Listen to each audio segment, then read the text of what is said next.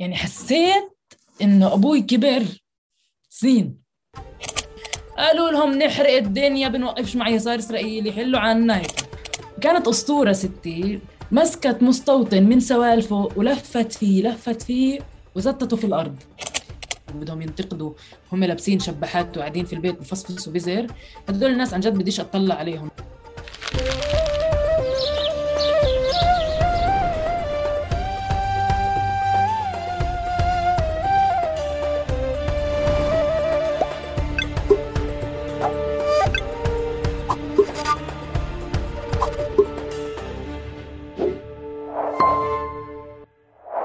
مرحبا واهلا وسهلا فيكم في حلقة جديدة من بودكاست تقارب حلقتنا اليوم مع العزيزة منى الكرد مرحبا يا منى. يا أهلا وسهلا. كيف الحال؟ الحمد لله بخير. جاهزة لفتحة قلبك كبير؟ yes إن شاء الله. طيب أه ولا مرة أه كنت في مقابلة شخصية؟ صحيح. okay وبالعادة قلتي لي بكون في سؤال بالمقابلة. عن آه يعني عنك هيك مقابلة عامة. بيجيبوا لي سؤال عني مثلا. طيب بدنا نبلش فيك إيه؟ يلا جاهزين. أول شيء شكرا شكرا إنه زبطت وبعرف إنه ضغط وسفر ومواعيد كثيره ممنون لك. آه راح أترك لك المايك زي ما بعمل في كل حلقة. بالعادة الضيف هو بيعرف نفسه. فمنى الكرد كيف تعرف نفسها كما تحب. الناس تعرفها. آه جميل. يعني دائما كنت بأي جمعة في أي مكان أقول أنا منى الكرد من القدس وتحديدا حي الشيخ جراح. يعني أكثر تعريف بحسه هيك بحبه بالبقلي. وإذا بعدين تم السؤال عن أشياء تانية زي عمري وكذا بنجاوب يعني وتخصصي وهيك. بس أنا منى الكرد من القدس وتحديدا حي الشيخ جراح. هذا إذا أنا بدي أعطيك آه، هيك وقت قصير عشان تعرفي حالك بسرعة ونبلش المقابلة بس إذا بدي أعطيك مجال تعرفي حالك أكثر مع صفنة عميقة ونعيد التعريف آه. منى الكرد آه، صبية فلسطينية جدعة عمرها 24 سنة من سكان حي الشيخ جراح الصامد خريجة إعلام من جامعة الشهداء جامعة بيرزيت وطموحها وحلمها تصير مخرجة أفلام. حدا ناشط اجتماعي وحامل حمل كبير ودائما بيدعي إنه الله يقدره ويكمل فيه. يعطيك ألف عافية. السؤال الثاني بكون منى كيف بتحبيش الناس تعرفك؟ آه حلو. هذا سؤال جميل. بحبش الناس تعرفني كأيقونة. شكرا كل الأسئلة رح تكون جميلة. إذا بدنا نضل نطرع بعض بنخلصش بحبش الناس تعرفني كأيقونة لأنه بحس إنه اللي اللي عملته واللي كتير زيي بيعملوه مش حدث يعني إشي هالقد يعني مثير وغريب. أنا بالنسبة لي كل الشعب الفلسطيني مناضل كل الشعب الفلسطيني مقاوم. ولما صبية وقفت قدام جندي وصيحت عليه أو قدام مستوطن وصيحت عليه وحكت له هذا بيتي واطلع منه فهذا أبسط شيء ممكن يعمله أي شخص فلسطيني يعني. فمش إشي غريب. فأنا شوي بستهجن لما الناس يقولوا إنه واو أيقونة. لا هذا هو العمل اللي عمالنا بنقوم فيه من وإحنا صغار ورثناه عن أبياتنا وأبياتنا ورثوه عن جدودهم وماشيين في هالسلسلة كلهم حسب أدواته. يعني زمان كانت ست توقف تصيع عليهم. الله يرحمها نبيل كانت يعني قوية وجدعة. كانت أسطورة ستي. توفت على عمر 103 سنين. لما اتاخذ بيتنا بال 2009 كان عمرها 93 94 سنة. مسكت مستوطن من سوالفه ولفت فيه لفت فيه وزتته في الأرض. هذه كانت أسلوبها وطريقتها. اليوم إحنا جيل اليوم بننشر على ال social media وبنحكي بأعلى صوت كل وسائل التواصل الاجتماعي وأيضا وسائل الإعلام عن قضيتنا. فانا بالنسبة لي هذا مش عمل أيقوني عشان هيك ما بحب بس بدي أقول لك يعني قد ما أحكيها قدام العالم جماعة ما بحبش. بقولوا لي مش بخاطرك أنت صرتي هيك. بقول أنتم حرين أنتم اعملوا بدكم إياه يعني بس بحاول أوضح لهم هاي الجزئية إنه أنا بس من هذا المنطلق مش إنه تواضع ومن المتواضعة ولا بس هو المصطلح كثير ضخم. يعني يعني يمكن أحكي هيك ب بصوت مرتجف إنه الشهيد يمكن هو أيقونة. لأنه الشهيد عمل إشي ضخم جدا يعني قدم روحه ودمه لهالأرض لهالبلد. أنا ما عملتش إشي يعني لينحكى عنه إشي أيقوني يعني. وبس. طب منى ليه دائما في بالحاله الفلسطينية مش من الكرد بس؟ الكل بخاف من الرصيد من الكريدت من المسميات من آه إنه الناس تمدح أو تثني أو أو كذا زي كأنه مش طبيعي ابدا. يعني بمعنى مثلا إنه آه, آه، ممتاز حلو جدا عظيم. أنت ورثت الإشي هاد وهيك والناس بتقول إنه أنت وارثي إشي منيح. يعني هيك بعيدا عن إنه احكوا شو ما بدكم. بس بحس طول الوقت إنه يعني وهذا دائما بتكرر بسؤال التعريفات أنا هذا بحبه كتير. إنه إحنا كيف بنعرف حالنا؟ كيف بنشوف حالنا؟ بس بشعر دائما فكرة إنه يعني آه، أنا يعني ببحث أنا آه، كاتب 5000 كاتب بحاول أكتب يعني هيك. وشيء تاني إنه مثلا إذا الناس شافت إنه يعني برأيي أنا إنه الناس شافت أيقونات محددة فهي بتختار فعليا أيقوناتها آه مزبوط. ومش ده يعني مش مش مش أنت اللي قررتي بس هو ذنبك بالآخر يعني. إنه أنت اللي راح تشيلي الحمل والمسؤولية. عكس شو بقولوا لك إنه مالكيش علاقة. بس آه ليه بتحس إنه الناس فعليا دائما بت بتخاف من من مسؤولية من حمل من ثقل آه، من خوف من مزايدة؟ هيك حكيت خوف من مزايدة. شوف يمكن بواقعنا الفلسطيني يعني أنا وزي كتير اللي مثلا ما نعرفنا على غنى أو على تمثيل أو شيء إحنا نعرفنا على قضية معينة يعني إحنا طلعنا حكينا في اسم قضية معينة وبصوت قضية معينة. وبالتالي آه الحمل بيكون كتير كبير وبصفي. وكأنه يعني لما أنا مثلا إذا أنا بدي آجي وأرد على الناس وأحكي عن حالي آه ايقونه أنا بحط على حالي يعني أنا كمان على نفسي بيني وبين حالي بحط علي حمل جدا مضاعف. فبفكر كمان لأنه إحنا كمان شفنا أيقونات اللي شوي خذلتنا. كمان يعني. أنا بالنسبة لي يعني كان عندنا تجارب بالتاريخ الفلسطيني اللي كنا شايفين نماذج كبيرة. في منهم عن جد استمروا معنا على طول الطريق وفي اللي منهم خذلونا برأي بعض الناس والبعض الآخر بيشوفوا لا. وفي وفي نماذج اللي آه، من الأساس وكأنه حكينا إنه ما كانش لازم أصلا نعملهم أيقونات. وفي اللي نماذج اللي هالقد كبيرة وحلوة ولطيفة وللأسف إحنا إحنا نفسنا كسرنا مجاديفهم وكسرنا رجليهم وقلنا لهم خلص ما تمشوش ما تكملوش يعني ما تكبروش أكثر من هيك. فهي يعني يمكن يمكن عشان تجارب سابقة كانت صعبة بتلاقي دائما شعبنا هيك خايف إنه مشان الله بس اتركوني لحالي. أنا بعمل اللي أنا بدي إياه اللي أنا بحبه زي ما أنا بحب بس بدون ما تسموني أي مسمى. أنا بعمل واجبي ومسؤوليتي و... وكتر الله خيري وخيركم. من غير ثقل ومسؤولية إضافية. انه إنه القصة بحد ذاتها أصلا مسؤولية وثقل وحمل. تعطونيش كمان حمل إضافي. وتزودوش. تكسروش مجاديف. يمكن أحمد عن جد يعني أنا لما لما حدا يقول لي مرات شكرا منى على اللي بتعمليه أو يعطيكم العافية أو أي شيء. بقول لهم يا جماعة بس هذا واجبي يعني. هذا فعليا بيتي موجود من ضمن بيوت الحي وهذا حي اللي أنا ربيت وخلقت وعشت فيه. ف شوي بستغرب إنه ليه تقولوا لي شكرا هذا واجبي. ومسؤولية علي إني أعمله سواء عرفتني أو ما عرفتني سواء سمعت صوتي أو ما سمعت صوتي. وما جيتش من اللي من امبارح بس والسنة الماضية لما عرفتوني بلشت أحكي في الموضوع. يعني أنا في لي فيديوهات اللي ما كنتش بحب تنتشر لأنه منظري كان بضحك فيها. بس كنت كثير. بس آه يعني كان لي فيديوهات وأنا 11 سنة و12 سنة بطارد أنا ومحمد بالكاميرات ورا بعض بالحي بنحكي قصة الحي وبنصور. طول عمرنا يعني طول عمرنا إحنا بن بنحاول نوثق شو عم بيصير بنحاول نفضح ال... ال... الاحتلال وانتهاكاته ون... يعني نوثق كمان روايات وقصص طالعة من الحي لأشخاص من الحي. بس إنه آه يعني ما يعني بالضبط هي جملة لا شكر على واجب. وبحس كمان يعني تقول ليش شكرا؟ عشان أنا ما أضطر أحكي لك شكرا. أنت كإنسان بدك تتعاطف معي بقضيتي الإنسانية إيه، لأنه هذا كمان واجبك أنت كبشر يعني. فهي هي معادلة يعني بتمنى هيك الكل آه، يفهمها عشان تصفي الحياة أسهل. فيش حاجة حدا يعني بزبطش أنا أجي أقول لك أحمد شكرا لك إنه أنت عم بتقوم بواجبك الإعلامي. لأنه هذا واجبك الإعلامي يعني أنت ما عملتش هيك عشان آه، تيجي منى ولا فلان ولا علان من اللي لو لو ما ذكرتيش المثال آه، قصي هذا المثال اللي هو أحمد تحكي لي الشكر عشان دعلق بديش على حالي أنا كمان بمحلك بكون. بس هاي المشكلة الثانية عنا إحنا. يعني إحنا بس الشهيد اللي يقدر بس المية اللي الناس فعليا يعني بتنتبه إنه بتعطيه رصيده أو بتعطيه حقه من من التقدير.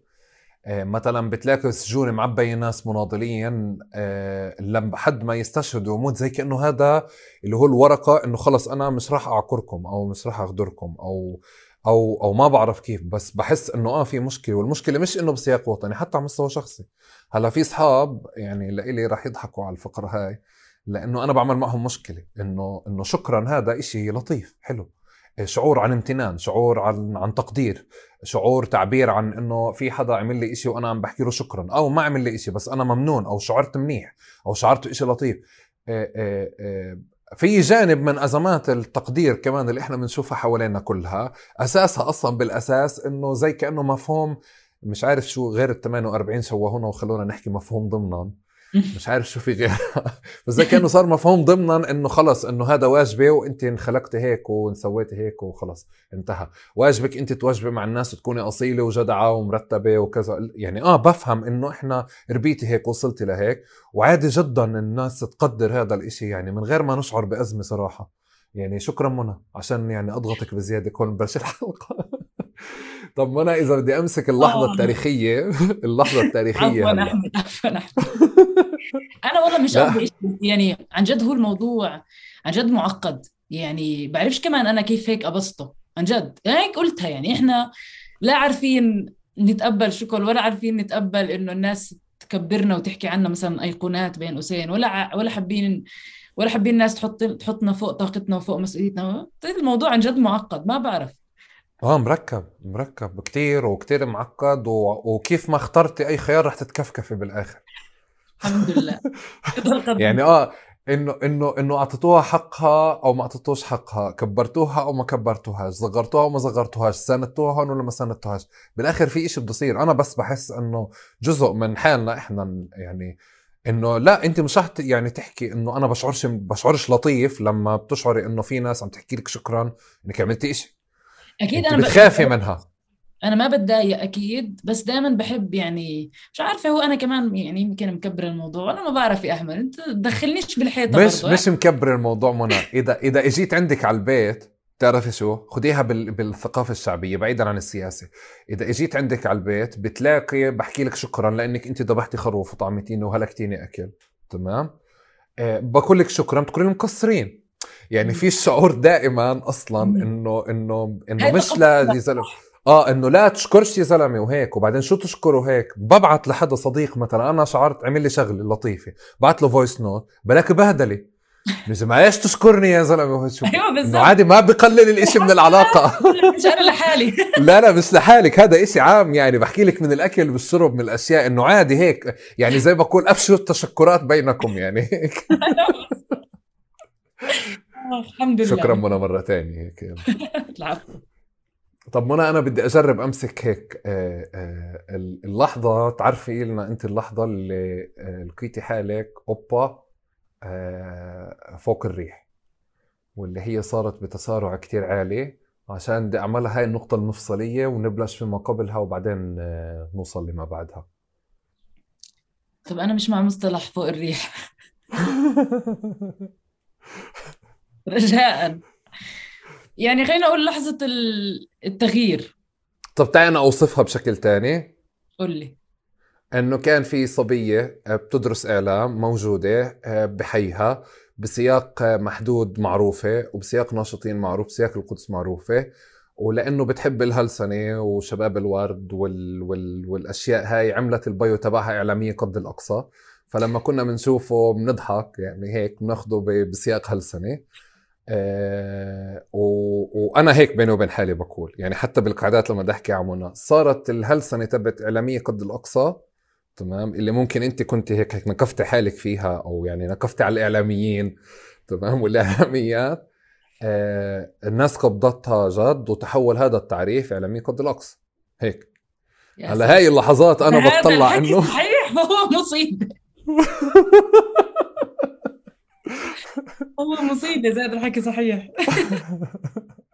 مش بالضرورة صحيح بس أنا بحكي هيك في لحظة اللي اللي إذا أنت كنت ماشي بشكل تدريجي بطيء وحاسة إنه قادر تدير التفاعل معك قادر تكوني إنسانة طبيعية قادرة تكوني تاخذي مواقف من كتير أشياء تتزاودي آه، تتصوري حياتك الشخصية بمكان ما. اليوم لا يعني أنت بمكان مختلف تماما. أنا هيك بوصفها. بمكان مش كل زياراتك بتصرحي عليها مش كل علاقاتك بتصرحي فيها مش كل آه، آه، مش كل إشي بتفكري فيه سياسيا أو على مستوى شخصي بتفكر فيه. وبفكر كمان إنه حياتك على مستوى خاص يعني صارت ضيقة. يعني هيك. هاي هي اللي أنا سميتها فوق الريح. يعني بس عشان وضحناها. شوف يعني أنا بتذكر كتير منيح لما صدرت قرارات التهجير الحق القسري بحقنا عائلتي يعني وكمان ثلاث عائلات وبعدنا ثلاث عائلات أخرى. كان بشهر 10 و11 2020 وبتذكر إنه كان على الأربع عائلات اللي من ضمنها عائلتي المفروض بشهر خمسة يتم تهجيرنا من منزلنا. والدفعة الثانية اللي هم ثلاث عائلات أخرى بشهر ثمانية يتم تهجيرهم من منازلهم. ووقتها بلش عندي هذا الخوف إنه خلاص يا منى راحت عليكم. هلأ فيش إشي. لأنه بالفعل أنا دائما كنت أقول إحنا طرقنا جميع الأبواب. يعني يعني الكبار اللي عندنا في الحي أهلنا وجيراننا والناس يعني بديش أقول ختايري أكبرهم بس يعني أبياتنا وجدودنا يعني عن جد ما خلوش باب إلا وطرقوه. سواء مؤسسات سواء آه يعني حكومات شو ما كان أفراد. صراحة ما, ما قدرش حدا اللي يعطينا اللي عن جد إحنا بدنا إياه اللي هي الأوراق اللي بتثبت حقنا في بيتنا.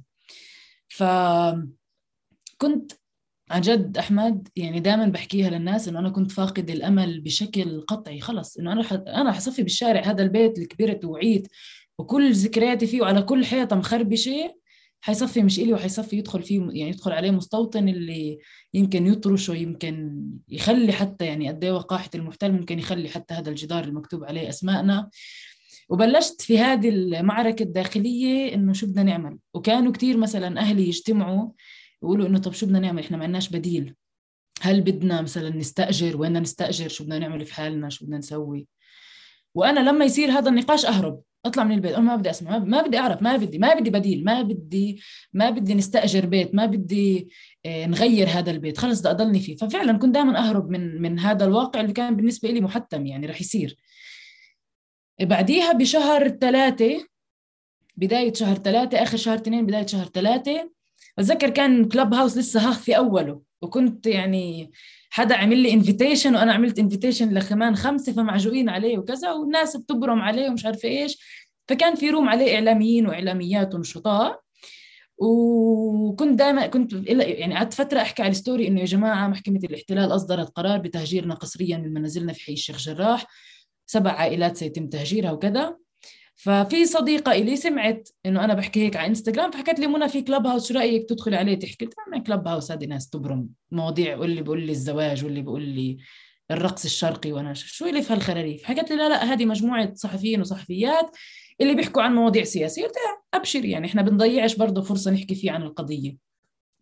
وبالفعل دخلت على الروم وبتذكر إني ما طلعتش منها لبعد خمس ساعات من الحديث المتواصل. وأنا يعني والله هديك ال... هدي... هداك اليوم تحديدا هديك الليلة كانت مشاعر غريبة ملخبطة ونشفان ريق بطريقة مش طبيعية. يعني جد يعني كان كان غريب إنه أنا خمس ساعات بحكي بحكي بحكي يعني بطلت حاسة باحبالي الصوتية. بتذكر كنت بقول لهم إنه يا جماعة الخير هيك هيك قصة حي الشيخ جراح 28 بيت 500 فرد وأكثر. اتسكننا بال 56 حكومة أردنية وأونروا وعشنا في هالأرض. وكان من المفروض تمليكنا بس حرب ال 67 آلت دون ذلك وأمور أخرى طبعا. وما أخذناش أوراق الملكية وإحنا اليوم معرضين لأنه نتهجر من منازلنا. وقلت لهم اسمعوا بدي لكم شغلة. هيك بالضبط. قلت لهم اسمعوا بدي لكم شغلة. أنا بحكي لكم هذا الكلام وأنا فاقدة الأمل ولا يعني عندي هالقد ذرة أمل فيكم أنتوا لأنه إحنا دائما يعني بنحكي وكأنه مع هوا. ما تقولوا لي بدنا نعمل وبدنا نسوي ولا وإن شاء الله بتضل ببيتك و... خلص أنا عارفة حالي حطلع من البيت بس أنا عشان بدي أحط راسي بالليل على المخدة وأقول إنه أنا ما ضيعتش فرصة أحكي فيها عن هالقضية. ف بتذكر إني بكيت وأنا بحكي هذا الكلام وفي امرأة فلسطينية مغتربة حكت لي آه، منى ما تبكي صوتك رح يوصل كل العالم. وهذه الجملة مش كتير رنت في داني قد ما بعدين آه قد ما بعدين تذكرتها لأنه وقتها صرت بقول لهم إنه أنا ومحمد أخوي وكمان شباب وصبايا من الحي عمالنا بنشتغل إنه نعمل حملة إلكترونية لأنه هذا أضعف الإيمان. يعني آخر شيء بنقدر نعمله. أي شيء ثاني كان بنقدر نعمله ملموس أهالينا عملوه قبلنا يعني ففيش شيء نعمله. قلت لهم اسمعوا لكم شغلة كمان أنا دارسة إعلام وماخذه مساق اللي له علاقة في الحملات الإلكترونية. صراحة عمري ما صدقت إنه عن جد ممكن هاشتاج يعمل بلبلة ولا ممكن يعمل بلبلة إيش؟ يومين ثلاثة في نطاق محدد. عمريش أمنت إنه عن جد ممكن يحدث تغيير. فحكوا لي قلت لهم إحنا الصراحة لسه بدنا تقريبا شهر. هذا الحكي بشهر ثلاثة وإحنا كان ضايل يعني في شهرين وبيتم تهجيرنا من منازلنا. فبقول لهم إنه تقريبا بدنا شهر زمان لنجمع المادة مادة الأرشيف اللي عندنا وصور وفيديوز وننزل الكلام بالعربي والإنجليزي ونترجم ونساعد بعض. إحنا يعني لا إحنا كنا كم من شخص يعني اللي من الحي الشباب والصبايا. فبتذكر وقتها حكوا لي إنه لا منى ليش تستنوا خير البر عاجلة وإحنا موجودين وإحنا بنساعدكم وإحنا أصلا إعلاميين وإعلاميات ونشطاء وبنساعد ومش عارف إيش فأنا هيك هون بلشت أتوتر إنه لا أنا كنت بدي يعني أنا يعني already فاقدة الأمل وبدي أعمل الموضوع على حبة حبة يعني فيش في حيل يعني أنا أطارد أصلا. يعني بكفيني الحزن اللي أنا عايشة فيه إنه بيتي بده يروح. ف بتذكر بالفعل يعني كان على ما أعتقد إذا يعني أنا مش متخربطة بال آه، بالأيام كان يوم ثلاثة أو اثنين كنا بنحكي بال room على ال Clubhouse و آه، حكوا لي إنه خليها نطلق الهاشتاج يوم الخميس. فبقول لهم إنه بسرعة يوم الخميس. إيش يوم الخميس؟ يعني ما بعد بكرة الخميس. بقولوا لي لا خلص توكل على الله وإن شاء الله خير وانت بس أعطينا هيك كم من صورة من عندك كم من فيديو وبنظبط الوضع ومش عارفة إيش. قلت لهم طيب لعله خير. وقعدنا نتناقش هل نكتب أنقذوا حي الشيخ جراح ولا أنقذوا الشيخ جراح؟ وأنا قالت لهم لا. كيف يعني أنقذوا الشيخ جراح يفكروه زلمة اختيارنا ننقذه؟ لا يا جماعة لازم أنقذوا حي الشيخ جراح. لا يا منى طويل. حتى لو طويل ما بزبطش بدنا الناس يعني لما تقرأ تفهم إنه حي. وبالفعل بعدين هل نحط همزة على أنقذوا ولا بدون همزة؟ ومش عارفة إيش. ورتبنا كل الأمور واتفقنا على أنقذوا حي الشيخ جراح. وبتذكر إنه بهديك الروم في أقل من خمس أشخاص. والله أعلم. أقل من خمس أشخاص كتبوا على تويتر المعلومات اللي كنا نحكيها إحنا والنشطاء مع الهاشتاج. وبتذكر في هديك الليلة وإحنا بنحكي خلال الخمس ساعات وزارة الخارجية الأردنية ردت على تويتة من tweet ال tweets اللي طالعة مع الهاشتاج. كان لسه خمس أشخاص ناشرين. فأنا هون يعني طبعا فتحت عيوني وبلشت أركز. أنا مش فاهمة أنا ما بعرفش يعني تويتر. أنا ما بفهملوش وما بحبوش. يعني أنا عندي كان عندي تويتر زمان وما عرفتش أصلا كيف ألغيه وما بعرف أصلا ليش عملته. أنا ما بفهمش بتويتر ابدا. مش ناشطة عليه بتاتا يعني.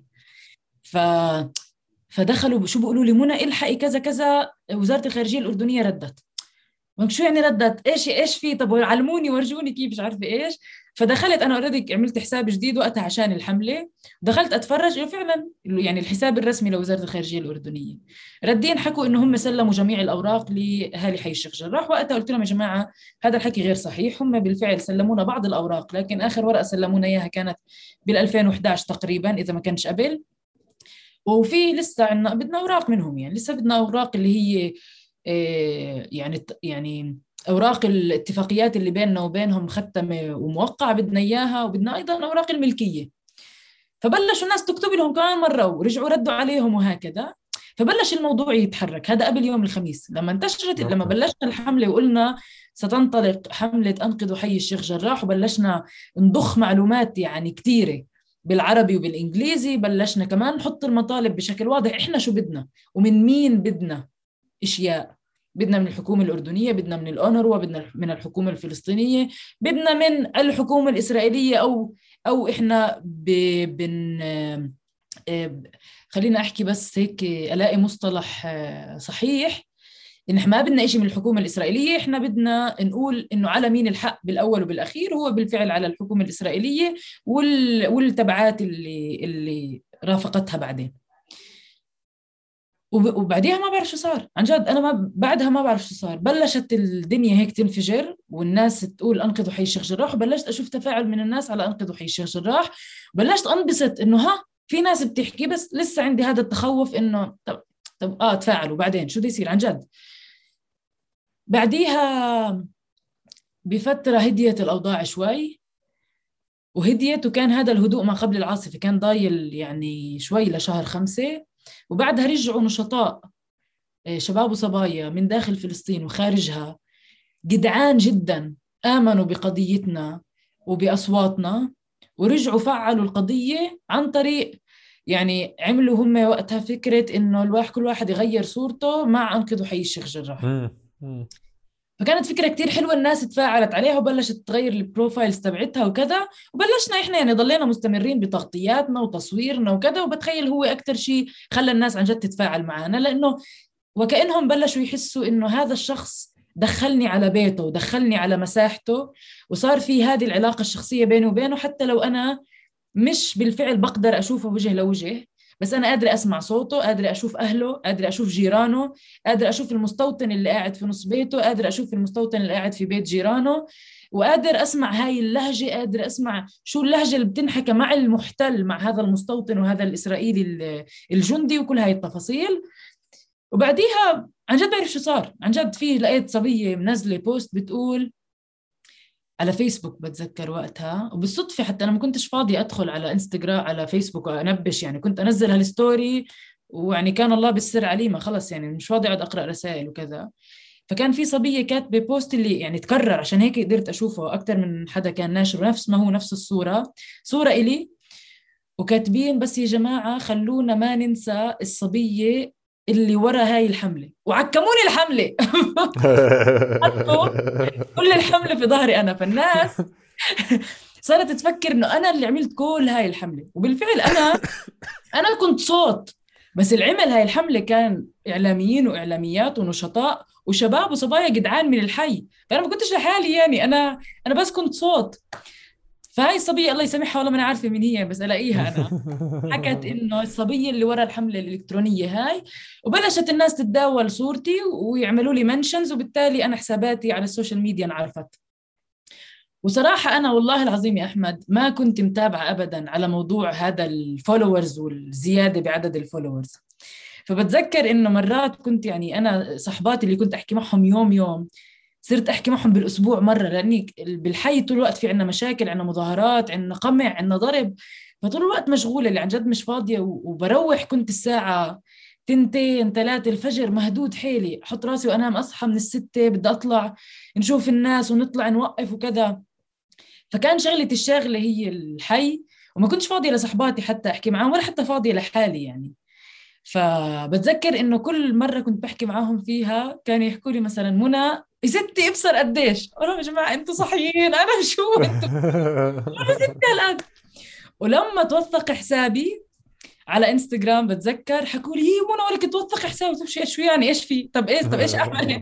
فهم صحباتي بتذكر حبيباتي والله يعني كانوا معجوقين أكثر مني على موضوع ال followers وأنا عن جد والله العظيم ما كان هممني. أنا كان بالنسبة لي بس بدي اضلني أوثق وغطي شو عم بيصير. وألحق أرد على التليفونات من الإعلام عشان عن جد يوصل صوتنا لكل مكان في العالم.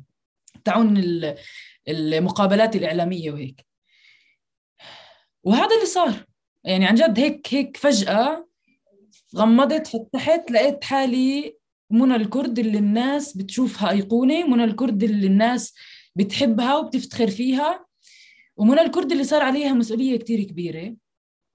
أنا بشخصيتي أحمد بحس إني حدا اللي آه بحب يتحمل مسؤولية آه جدع وقد حاله وآه بحس إني بحب يعني عندي هذه الروح القيادية. بس كنت يعني هيك بصراع مع نفسي إنه طب أنا بس أنا يعني مش كا ما كانش في خاطري يعني أنا أنا كل شيء براسي ولحياتي بالمستقبل كل شيء مرتب هون. بقدرش يعني أصلا بكرة أصحى أفتح عيوني مش عارفة شو عندي. ما بعرف بعرفش أمشي في حياتي. فأنا ما كنت حاطة براسي إنه أنا آه، أقود أو أنحط كقائد لهذا الشيء. فلما صار وكأنه غصب عني هيك حسيت إني أذت لا ما بديش. أي أساس تحط يعني أي أساس تقولوا إنه منى الكرد اللي عملت. ما عملتش يا جماعة ما بزبطش هيك. ف فهيك يعني هذا هذا التحول كان عن جد في يوم وليلة. يعني أنا غمضت فتحت لقيت كل هال كل هالضغط وكذا. بس بالنسبة لي والله أحمد عن جد يعني وهذا صدقا و وبقول لك إياه هيك بكل يعني صدق وصراحة وشفافية. وبعيدا كل البعد عن أي شيء له علاقة بالوطنية والتواضع وكل هاي التفاصيل يعني قد إيه في صار شغلات إيجابية إنه عن جد صوتنا وصل الحمد لله. ويا رب عن جد نلاقي النتيجة اللي إحنا بدنا إياها. بس بالمقابل قد إيه صار شغلات سلبية وهالقد صعبة ومؤذية ومتعبة نفسيا سواء من قبل المحتل اللي بالأساس بده يكسرنا وبده يتعبنا وللأسف من بعض آه، آه، أبناء شعبنا ومن العرب بالخارج أيضا. وكمان أجانب. اللي بيدعموا الصهاينة واللي بيدعموا التطبيع واللي وفي منهم للأسف اللي أصلا وعيهم محدود يعني فهم مرات من غباء ممكن يأذونا صح. أو قلة وعي خلينا أقول آه، إلا إنه عن جد أنا بقول والله العظيم فدا القضية لأنه أنا بالنسبة لي ما عن جد بقول لك بعيدا كل البعد عن الوطنية بس فدا القضية لأنه صوتنا وصل يعني أنا ما كنت عمري بتخيل بعد أكثر من خمسين سنة نضال في حي الشيخ جراح من ستاتنا وجدودنا وأبياتنا وأمياتنا وكل حدا بيقرب لنا عايش في حي الشيخ جراح إنه يصير الأجنبي قبل العربي يحكي الشيخ جراح. عمري ما توقعت. فأنا بالنسبة إلي مين طلع وجوه؟ شو صار علينا؟ شو عم بيصير علينا؟ شو بيصير علينا حملات؟ شو بيصير علينا طخ وضرب وكل هاي التفاصيل؟ والله فضل القضية المهم صوت حي الشيخ جراح وصل. اصوات تانية بلشت تطلع وهذا اللي إحنا كثير فخورين فيه. ويا رب يعني كل القضايا ينسمع صوتها لأنه كل قضية فلسطينية مهمة وما فيش فيش قضية بتنجح بدون القضايا الثانية وأي شيء ثاني بيمشي والله. وأي حدا كمان يعني بده يقدم لهالبلد بيعرف إنه يعني بده يتكفكف. فما حدش يقدم يقعد يتبكبك. الحمد لله على كل حال. طيب إحنا مسكنا هلا اللحظة اللي, اللي هي من الاثنين للخميس أو من الثلاثة للخميس صح؟ هيك أعطيتينا قصة قصة ثلاث أيام. أنا بدي بدي يعني عندي كتير فضول أعرف أنا منى الشخصية المركبة اللي وصلت لهذا المحل يعني اللي, اللي كمان كانت حاملة كاميرا صغيرة ويعني و... يعني كان في أكثر من مسار اللي خلاك تكوني جزء من هذه الحالة أو عندك الأساس تبعها. تعال نبلش من الأول. أنت إمتى اكتشفتي إنك فلسطينية؟ آه. يعني جميل سؤال.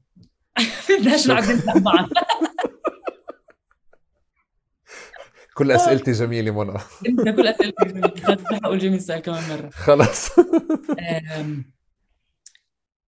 يمكن باللحظة اللي وعيت فيها بعرفش كان قد إيه عمري يعني بس باللحظة اللي وعيت فيها ووالدي حكالي وأمي طبعا حكوا لي إنه أنا لما كان عمري سنتين آه، المحكمة الإسرائيلية قررت إنها تغلق نصف منزلي في حي الشيخ جراح بسبب أو بحجة إنه بدون ترخيص.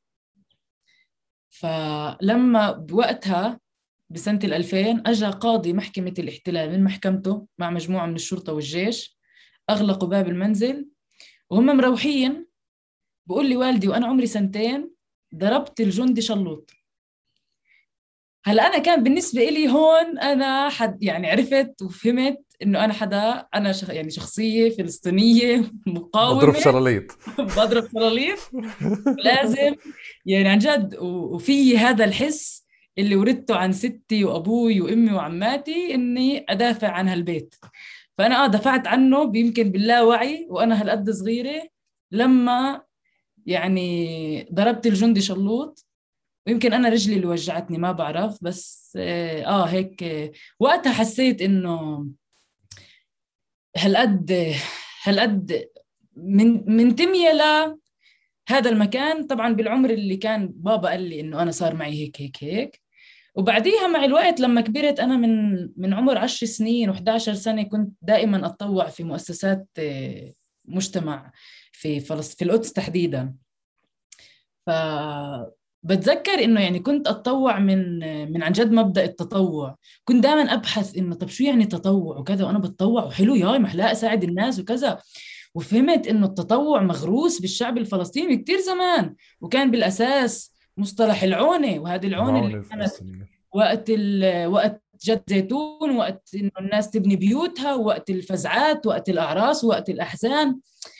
فكتير كتير هيك اهتميت بموضوع العمل التطوعي وصارت هيك بفترة من الفترات رسالتي اللي دائما أحكيها للصحبات اللي قراب علي وكل مكان أكون فيه يا جماعة التطوع جدا مهم وهذا يعني إرث وتاريخ وهذا أصلا شيء لازم يكون في كل إنسان إنه يتطوع ويبادر ويعمل وكذا ويسوي. وبعدين كبرت وعيت وصرت بالجامعة وفهمت للأسف إنه كثير مؤسسات ساهمت في إنها تخرب مفهوم التطوع لما تطوع. تعطي مقابل ولما لما تحرط على الشباب مقابل إنه هم يستفيدوا مش عشان عن جد الناس اللي لازم يستفيدوا يستفيدوا.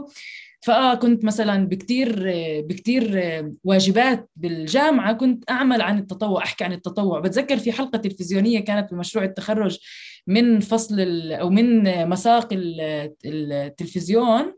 كانت عن التطوع. يعني أنا جبت ناس حكيت معهم عن التطوع عملوا صبايا التيم اللي معاي تقارير عن التطوع. هكذا هالقد كنت مهتمة وما زلت طبعا. فالتطوع هالقد زاد ارتباطي في البلد وزاد ارتباطي في القدس تحديدا وحسيت إنه هذا المكان له حق علي أعطيه. وأعطيه عن جد بلا مقابل لأنه هذا الحضن يعني أنا كنت دائما أقول هذا هذا هذا حضننا يعني أنا بالنسبة لي عن جد القدس هي حضن هي هي مكان اللي عن جد لاممتنا محتويتنا على الرغم من كل التناقضات اللي بنعيشها في القدس على الرغم من كل العذابات اللي بنعيشها في القدس لأنه عن جد القدس غير. فأنا كنت دائما هالقد يعني بحب القدس بموت على القدس. ولما طلعت على الجامعة في بيرزيت كنت ماخذة سكن. كنت لما أدخل الحاجز حاجز قلنديا العسكري بعد طوشة مع العسكر طبعا اللي هناك اللي هم الجنود.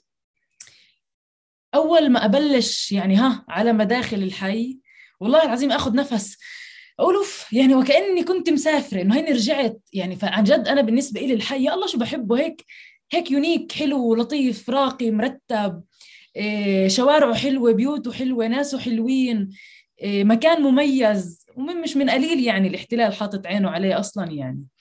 ف فهذا يعني موضوع العمل التطوعي خلالي خلى عندي كثير ارتباط بالمكان اللي خلاني كثير هيك آه، يعني بحب الأرض وبحب الوطن وبحب البلد. وبالإضافة لأنه هاي التطوعات شكلت عندي كثير علاقات وهاي العلاقات خلتني مثلا أصير أدخل بمعسكرات شبابية بمخيمات صيفية اللي كانت مرات كثير تجمع بين شباب من القدس ومن الضفة ومن الداخل المحتل. ومرات كثير نكون على الزوم مع الشباب الصبايا بغزة اللي نحكي أكثر عن فلسطين عن آه، عن شو الحل عن شو بدنا بالمستقبل عن الحرية عن الفلسطيني المقاوم عن عن عن. فيعني وكأني صرت ألحق أي شيء اللي بنمي عندي هاي الوطنية وهذه وهذا الوعي الوطني تجاه القضية فيعني من من صغر عرفت إني فلسطينية الحمد لله. طب إحنا ب... أنا أنا في عندي رأي. عند الفلسطينية بنكش ذاكرة دائما ومنلاقي. في حدث يعني إحنا يعني بننشأ بنحب فلسطين وهذا مكاننا وهذا حضورنا تعودنا عليه. بحس إنه يعني شكل شكل الحديث العاطفي أو الوصف العاطفي ممكن تلاقيه السوريين بسوريا الفلسطين المصريين في مصر وكذا. ولكن في حادثة بتكون اللي حولت الإشي لإشي شخصي. يعني بمعنى سواء آه، مقابل الاحتلال أو في رابطة في البلد أكثر بكون في حادثة أو في صورة أو في شيء ما. آه، آه، دائما بكون في أكثر من صورة بس يعني إذا إذا مش متذكرة أو مش مستحضر الصورة أو الحادثة هاي أول حادثة بتخطر لك هلأ وإحنا قاعدين بنحكي لأنه حولت العلاقة من شيء عاطفي أو شيء مكان عادي لمساحة الندية. بمعنى والله لا تا تا تا تا يعني أول حادثة خطرت لي هي لما في يوم من الأيام كنت مروحة من مدرستي وأنا بصف سادس. كان عمري 12 سنة تقريبا أو 13 سنة. وأنا مروحة من مدرستي كانت جدا قريبة على بيت ستي. يعني أنا عشت أصلا طول عمري تقريبا ببيت ستي. فمروحة من المدرسة بوم يعني بيجي علي ولد من ولاد الحي من من عائلة الغاوي تحديدا. كان already قبل شهر أو شهرين تم تهجيره من منزله. هو وعائلته يعني سبع عائلات من عائلة الغاوي تهجروا وقعدوا بالشارع. وبنفس اللحظة وقتها كانت ثلاث عائلات من دار حنون متهجرين وقاعدين في سوري في الشارع. فبتذكر إنه واحد طفل صغير يعني من أطفالهم يعني كان قدي قده تقريبا أو أصغر مني أجاني يركض على رأس الشارع بيقول لي منى إلحق ياخذوا دارك؟ فأنا وقتها قلت له اسمع مش عشان أخذوا دارك ياخذوا داري تفاولش علي روح لعني شو الحكي هذا وعصبت وقتها إنه كيف يعني؟ طب يعني بفهم إنت أخذوا دارك وصرت بالشارع بس أنا ليش ياخذوا داري يعني؟ فأنا هيك كنت كثير محرمة أو معصبة وإنه شو هاد بفاول علينا ومش عارفة إيش؟ وكنت صغيرة كنت عن جد صغيرة صغيرة وشعطة يعني. فبتذكر بس بلشت أقرب على الحي بلشت أشوف مشهد اللي جنود خيالة سيارات شرطة ضواو في كل مكان كثير مستوطنين إيه، تراكتورات هيك ترك اللي بحمل أثاث وهيك.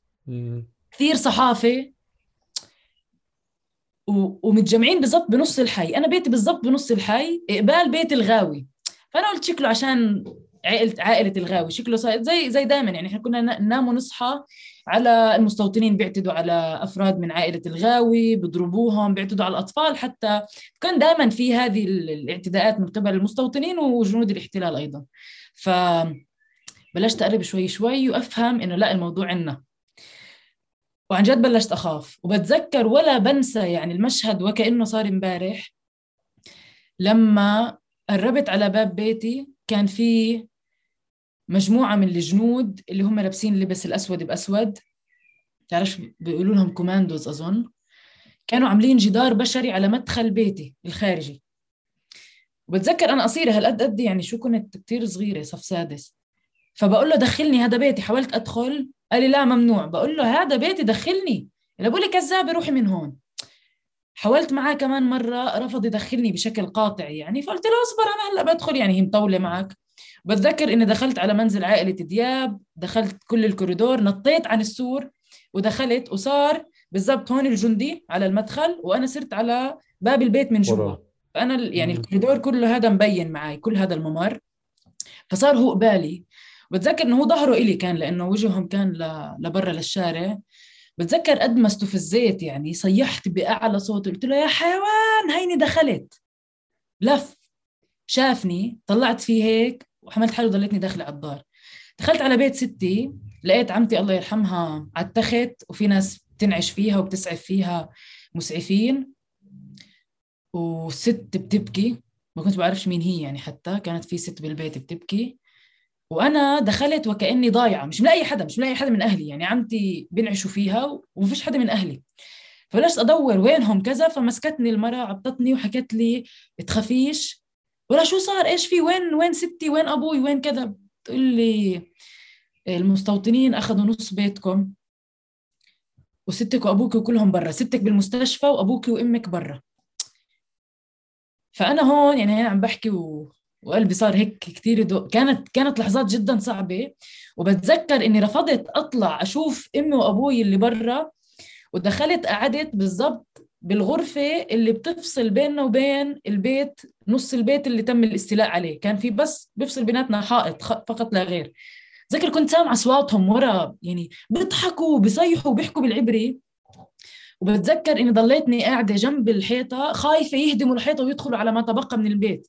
فأنا قاعدة على أساس إنه أنا إيش حامل حمى يعني؟ وإذا هم فعلا يعني كسروا الحيطة أنا بدي أوقف لهم. بتذكر اني رفضت اقوم تقول لي إنه هي أمك برا بتقدري تطلعي يعني تشوفيها لها ما بديش هلأ بدخلوا علينا هلأ مش عارفة إيش. بتذكر بالآخر يعني أقنعتني وطلعت بعد يعني نوبة هستيرية من البكاء وال يعني كنت خلص انهرت. طلعت شفت أبوي يعني كان كان وجهه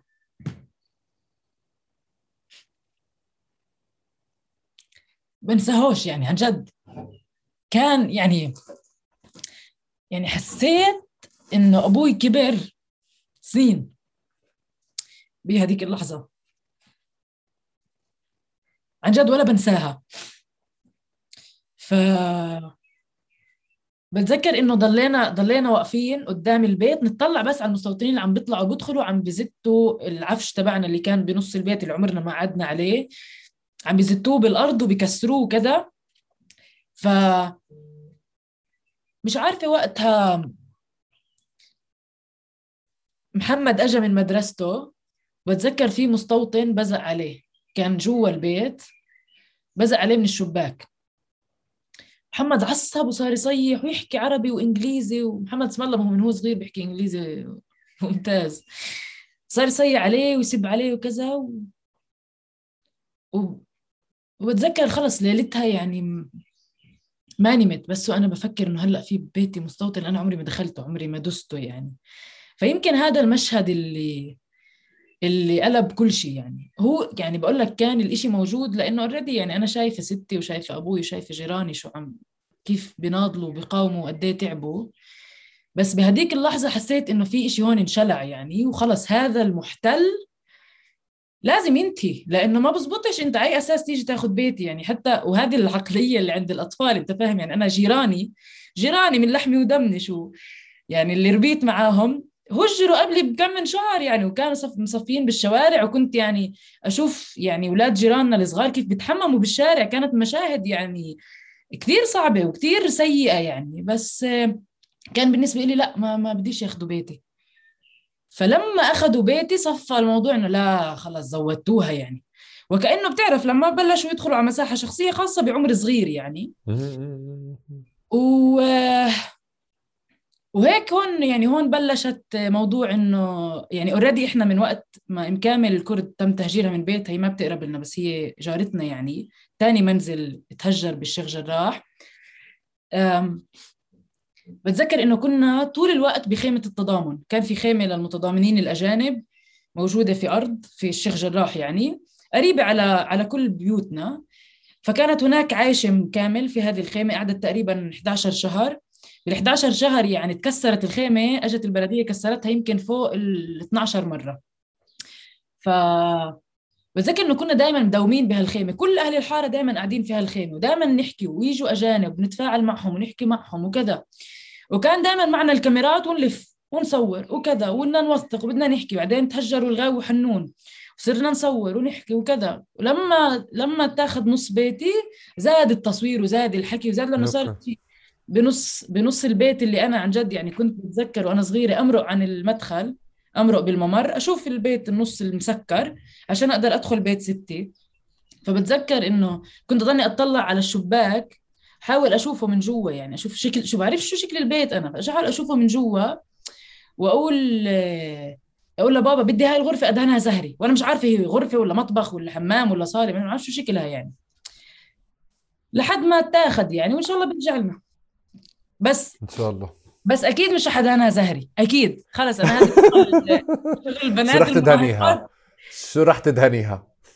مش عارفة حاسة ممكن هو أنا يعني بديش أبين كئيبه أقول لك أسود. بيج هيك شيء بتخيل. لا أسود مش راح يزبط على غرفة فاختاري لون تاني. بيج؟ بيج بالصالون. واللي اختار واللي اختار زهر وهو صغير بختارش بيج. لا بيج بيج منيح. بيج هيك محايد. ليش. مشاكل قال بس نخلص اللي علينا بندهن بيج بالضبط طب منى وأنت قاعدة بتحكي كمان على على على الخيمة وعلى شكل الكاميرات أنا بفكر إنه من هون بلش يعني الشكل النشاط السياسي أو أو العمل السياسي أو الفعل السياسي. آه، آه، في شفنا طبعا اللي هو الفيديو اللي بدكش حدا يشوفه. آه، روح شوفوه. لا. خلص بس بدي أجرب أعرف أنا سياسيا إيش الظروف السياسية اللي أنت كنت فيها؟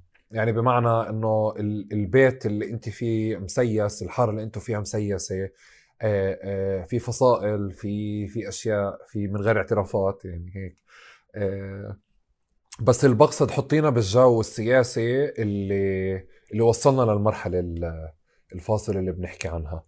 وبجانب منها كمان آه، إذا بتعرجي أو بتحطيني كمان بجو الجانب اللي بتعلق ب آه، إنه كان في كمان مسار نضالي بحي الشيخ جراح وكان في ما يقال ما مش متأكد بحب أسمع منك على قديش كان في ظهور لليسار أو مشاركة لليسار الإسرائيلي آه، حاضر فيها واللي هو طبعا كل مع تغير شكل النضال قل عدده وقل تأثيره وقل أثره. بس بحب أعرف الظرف اللي انت كبرت فيه واليوم المشهد كيف هو بس تعال نبلش من أول. شوف مرحبا يعني... سياسي سياسي 101 هلا. شوف يعني بحس دائما في عند في عند الناس هذا التوقع إنه إذا في حدا طلع اللي بيحكي سياسه و... وبيقاوم لازم يكون في حدا عنده. بالضبط لازم يكون حدا لا لا لا, لا بس أنا شو أنا دافع عن حالي معلش. آه. أنا أنا دافع عن حالي. أنا زيك لا. مش بالضرورة يعني. بالضبط. فعشان هيك لا يعني تستغرب إنه فيش حدا عندنا بالبيت مسيس ولا حدا. بمعنى ولا أي حدا بيتبع لأي حزب أو فصيل في البيت. كنا كلنا مستقلين وبتذكر دائما جملة بابا وماما إنه يا جماعة إحنا فلسطينيين ما بنعرف عن حالنا إلا كفلسطينيين. فهي دائما كانت تعلق براسي يعني وراس إخوتي منذ منذ نعومة أظافرنا زي ما بيقولوا. بس آه يعني كان في بالحي أكيد أنا صراحة ما بعرفش كثير التوجهات في كل بيت.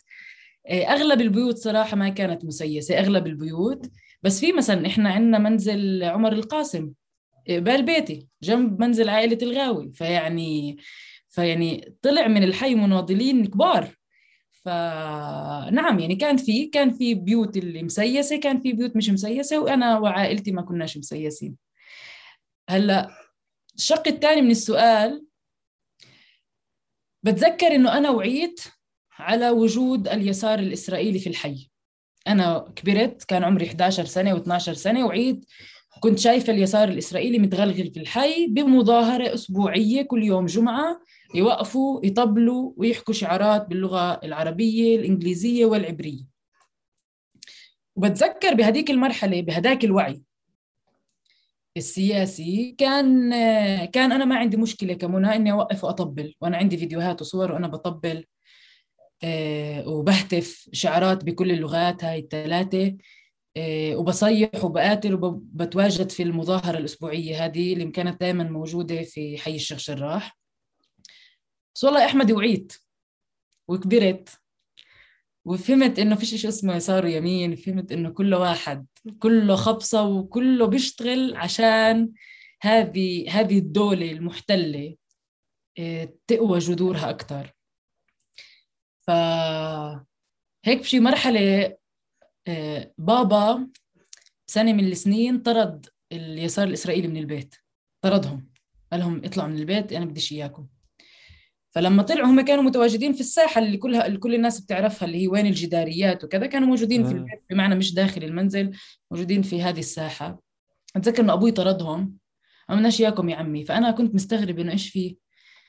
فوقتها بابا صيح صوت حكى أنت اللي جاي تتضامن معي بالشيخ جراح عشان أنا أضل في الشيخ جراح لأنه ما بدك إياني أرجع وأطالب بحق العودة على حيفا ويافا وين جدودي كانوا. من هون قلت لا كثير هيك. أنا إذا هذا الإسرائيلي اليساري اللي عامل حاله معاي عايش في بيت ستي بحيفا وبيت جيراننا بيافا وبيت جيراننا التانيين بسرفند الخراب هاي قصة كبيرة. تاع هون تاع تاع هون يعني ما نخلص الأمور. من وقتها وعيت وحسيت إنه لا أنا ما ما بقبل يكون في نضال مشترك بيني وبين هدول الناس. وأعدت تعريفهم براسي. هذا الإسرائيلي اليساري هو محتل مغتصب لأرضي في أراضي عام 48 وأيضا في بعض المناطق 67 هذا اللي اللي بيجي بتضامن معي هو بتضامن معي لكثير أسباب. أهمها شكلية إنه والله هيني معك هون بس اسكت واقعد هون وتطلب ليش حق العودة على أراضي 48 والشغلة الثانية كنت دائما أسرح أقول ليش إحنا لما نعمل مظاهرة ونرفع العلم الفلسطيني ما نلحقش نرفعه في القدس ما نلحق نرفعه بالشيخ جراح نتكسر وننضرب ويلتعن فاطسنا. أما لما اليسار الإسرائيلي يكون في مظاهرة يوم الجمعة ويرفعوا العلم الفلسطيني يضلوا يرفرف العلم يرفرف يرفرف بعد تقريبا ربع ساعة ثلث ساعة يمسكوا العلم ينزلوه ضبوه ويروحوا. قعدت أفكر إنه والصورة اللي بتظهر إعلاميا كانت هي صورة اليسار هو رافع العلم. هلا العالم اللي برا مش فاهم هو هذا يسار ولا يمين ولا فلسطيني ولا شو دينه. هو فاهم إنه إسرائيل تعط هذه إسرائيل الدولة الديمقراطية تعطي هاي المساحة لأي متظاهرين مين ما كانوا حتى لو كانوا فلسطينيين إنهم يحكوا رأيهم ويرفعوا علمهم الفلسطيني في نص القدس. أنا كان بالنسبة لي لا أنت اسمع أنت عمالك بتساعد على هاي الرواية إنه إسرائيل ديمقراطية وكل هالتفاصيل اسمع حل اطلع من راسنا. وبالفعل من وقتها لا لليوم أنا ما عندي استعداد على أي تعاطي مع اليسار الإسرائيلي. إيه و... آه يعني يعني يعني إلنا سنين بهال بهالحالة على اختلاف طبعا يعني بعض الأشخاص في الحي لسه عندهم هذا الإيمان إنه يا عمي هدول متضامنين أول على آخر جايين يتضامنوا معنا ما نقدرش نقول لهم لا. أنا أختلف أتفق مش موضوعنا لأنه يعني أول على آخر بقدرش أجي أفرض عليك أنا عن جد شو رأيي. بس آه أنا أنا أنا هاي قناعاتي. وبالفعل ببداية سنة 2021 وقت انطلاق آه، حملة أنقذوا حي الشيخ جراح رفضنا تماما أنه يكون في أي آه، اتصال مباشر أو غير مباشر بمظاهرات بين الفلسطينيين والإسرائيليين اليساريين. فكان بالفعل يعني نضالنا فلسطيني بحت على الرغم من إنه كل جمعة ما حدا يقدر يمنع يعني اليسار الإسرائيلي من إنه يتواجد على رأس الحي ويعمل المظاهرة الأسبوعية تبعته. بس أنا بالنسبة لي أنا أنا بالنسبة لي ما عن جد ما عنديش يعني ما كيف بدي أقول لك إياها؟ ما إلي بشو غيري بيعمل بس أنا بفكر أنا كمنى شو كنت بفكر وشو هلأ بفكر كثير فخورة بنفسي وأنا عن جد حاسة إنه آه أنا أنا اللي بفكر هو صح. والله يقدرنا ونضل نضل يعني نتخذ القرارات الصح ونمشي على الطريق الصح. طب أنا إذا بدي أرجع لورا شوي قبل لحظة الوعي تبعتك يعني أنا بفهم عشان أفسرها كيف أنا من قبل المقابلة. لحظة الوعي هي اللي خلتكم آه، يمكن أنتم محمد أوضح الناس بالتعريف والمصارحة يعني بالموقف من اليسار بكل محك يعني. بس آه، آه، من شهر خمسة السنة الماضية وجر اتاخد شكل النضال تبع حي الشيخ جراح لمكان تاني لمكان فلسطيني أكثر والحاضنة فلسطينية والحاضنة عربية أكثر هلأ أنا بظن إنه من السنة الماضية وجر هي يعني صار في يمكن النجاح الأكبر بتحويل الإشي. بس من قبل اللي كنت تسمعيه أو كنت تعرفيه قبل لحظة الوعي تبعتك والتمييز اليسار كان له فترة حاضر. موجود. كان آه في ال... اليسار موجود كان من الحي من 2009 من 2008 أوكي. آه وشكل وشكل نضالهم شكل المطالب أنت اللي بتحكيه بس عشان أنا وياك نفهم بعض وال يعني إنه إنه أنت بتشوفي إنه في حدا هو بقارع في حكومته يعني هيك آه آه ضمن آه، سياسة داخلية أو ضمن تظاهر داخلي أو ضمن مساحة داخلية. شيء ما بخصنا. انت اللي بتشوفيه انه انت بالنسبة لك العلاقة مع الحي كانت بشكل مختلف فلهيك شفتي انه أوكي أنا نضالي مختلف تماما عن كل عن كل نضالكم أو عن كل أنتم شو بتعملوا بتساووا وأنا بدي آخذ الحيز بالكامل فأخذت الإشي لمكان. بس من قبل كان الإشي من 2009 آه، آه، الحكي اللي يقال على إنهم هم من صرح أو هم من طلعوا قضية الشيخ جراح في البدايات. أنا ما كنت بعرف عنها من قبل فبالتالي ما بعرف قديش إنه صدروها أو ما صدروها بس ما يقال إنه كمان كان في حراك أو نشاط. آه، إحنا استفدنا منه. كان دايم على مدار السنين. ما بعرف قد دقيق أو قديش الإشي يعني يعني شوف توعي أو بتعرفي عنه. يعني إذا يعني أنا يعني معلش أسأل أنا آسف بدي أقطعك. الوالد لما طر ال... يعني سمعتيه بيحكي وطر حدا من عنده من البيت هذه بلحظة متأخرة. بس كان في سنين قبل الناس موجودة صح؟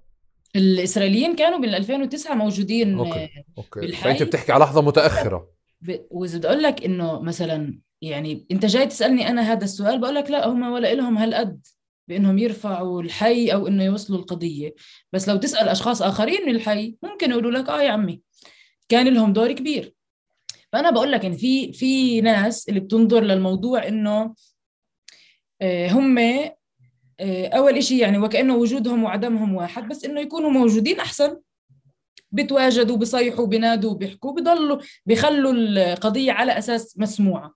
أنا بالنسبة لي عمي ما بدي إياهم. أنا كثير كنت أسمع مرات منهم إنه آه، إحنا معاكم وإحنا بدنا تاخذوا حقوقكم مش عارف إيش. مين قال لك بدي أتساوى معك يا زلمة؟ انت أنت ليش موجود أصلا هون؟ فكنت بفكر إنه طالما أنت واقف معي لا اطلع برا فلسطين عن جد واهتف لي من برا. طفل زي اليهودي اللي لا يعرف عن نفسه كإسرائيلي.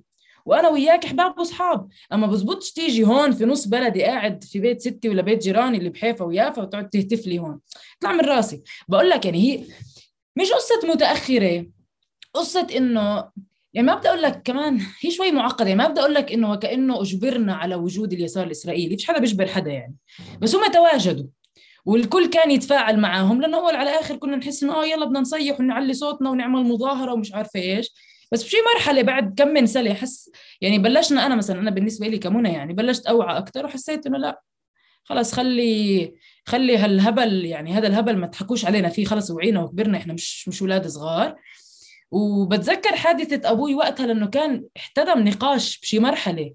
كان في مجموعة من اهالي الحي وبابا موجود وكذا ومجموعة من اليسار احتدم النقاش قال لهم أنتم بتضحكوا على سمانة تتهبلوا علينا كل تيجوا لنا كل جمعة تعملوا إنه يعني أنتم متضامنين معنا.